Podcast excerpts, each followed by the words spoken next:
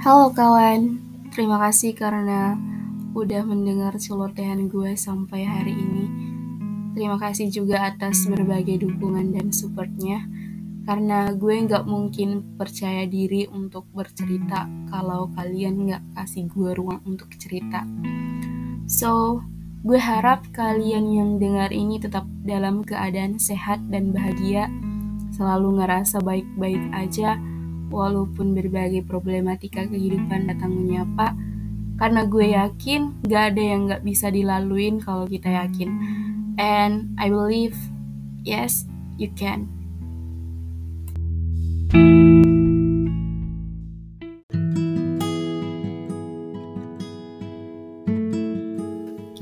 Ya, episode kali ini mungkin lebih pendek karena gue cuma mau kasih sedikit saran dan pencerahan walaupun mungkin gak terlalu bisa kasih yang bener-bener motivasi banget. Karena you deserve to be happy. Kamu berhak bahagia. Ini tentang sebagian orang yang menjalani hidup dengan waktu yang sulit. Jadi gue mau cerita kalau gue itu aktif di grup Facebook. Bukan grup chat ya tapi grup umum. Grup ini berisikan orang-orang yang curhat baik dari masalah pribadi ataupun masalah-masalah eksternal dalam diri mereka. Tapi mayoritas kebanyakan orang-orang yang ada di grup ini tuh 90% membahas masalah pribadi. Dan itu rata-rata soal hubungan suami istri, KDRT, pelecehan seksual, masalah trauma psikis, dan lain-lain. Dan salutnya gue adalah ketika melihat orang-orang di grup ini tuh saling memotivasi, saling mencari solusi. Untuk sistem grup ini, orang bisa posting dengan anonim. Kalau orangnya misalnya nggak mau diekspos nama, dia bakalan kirim ke admin, terus admin bakal lempar ke grup. Atau kalau mau terbuka, bisa dengan posting sendiri. Oke, kita bahas soal postingan-postingan mereka itu. Jadi gue udah sekitar 2 tahunan masuk ke grup ini, gabung ke grup ini, kalau nggak salah. Seperti yang gue bilang tadi, bahwa orang-orang di grup ini itu emang curhat masalah pribadinya gitu. Yang kalau lo mungkin lihat postingan-postingan mereka, lo bakalan sadar bahwa ada banyak orang yang punya masalah berat. Dan emang punya persoalan-persoalan hidup yang gak habis pikir gitu. Dan emang orang-orang di grup ini tuh saling cari jalan terbaik solusi buat orang itu jadi lebih terasa nyaman tanpa harus mikir orang lain dulu. Artinya utamain bahagia diri sendiri dulu.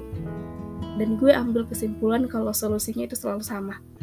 Yap jangan menetap dengan kenyataan yang sudah tidak bisa diperbaiki Intinya, orang-orang di sana selalu nyaranin untuk tinggalkan hal-hal yang buat lo gak nyaman. Gue lagi-lagi salut karena ternyata banyak orang speak up untuk cari solusi, cari jalan keluar, cari tanggapan orang lain kayak gimana. Walaupun mungkin secara anonim. Gue berterima kasih karena ada wadah kayak gini untuk orang-orang yang benar-benar butuh sandaran. Karena ada sebagian orang yang menganggap Gak apa-apa kalau gue sakit, asal orang lain bahagia-bahagia aja. Gak apa-apa kalau cuman gue yang ngerasain ini, asal orang yang gue sayang gak ngerasain hal yang sama. Atau ada yang berpikir, selama ini gue diam karena gak mau jadi perusak. Gue bertahan karena ini itu. Ya walaupun bertahan bukan pilihan yang salah, gue paham kalau bertahan itu jadi bukti lo orang yang kuat.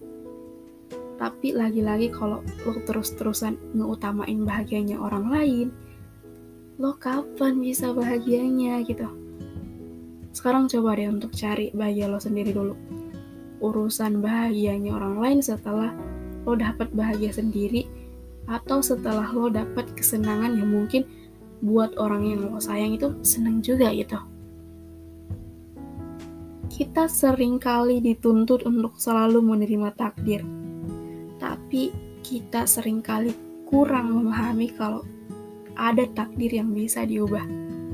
Bukan masalah terima atau tidak terimanya, mari kita lihat konteks baik dan buruknya, merugikan atau tidaknya. jangan menetap dengan kenyataan yang sudah tidak bisa diperbaiki. Karena lagi-lagi kamu berhak bahagia.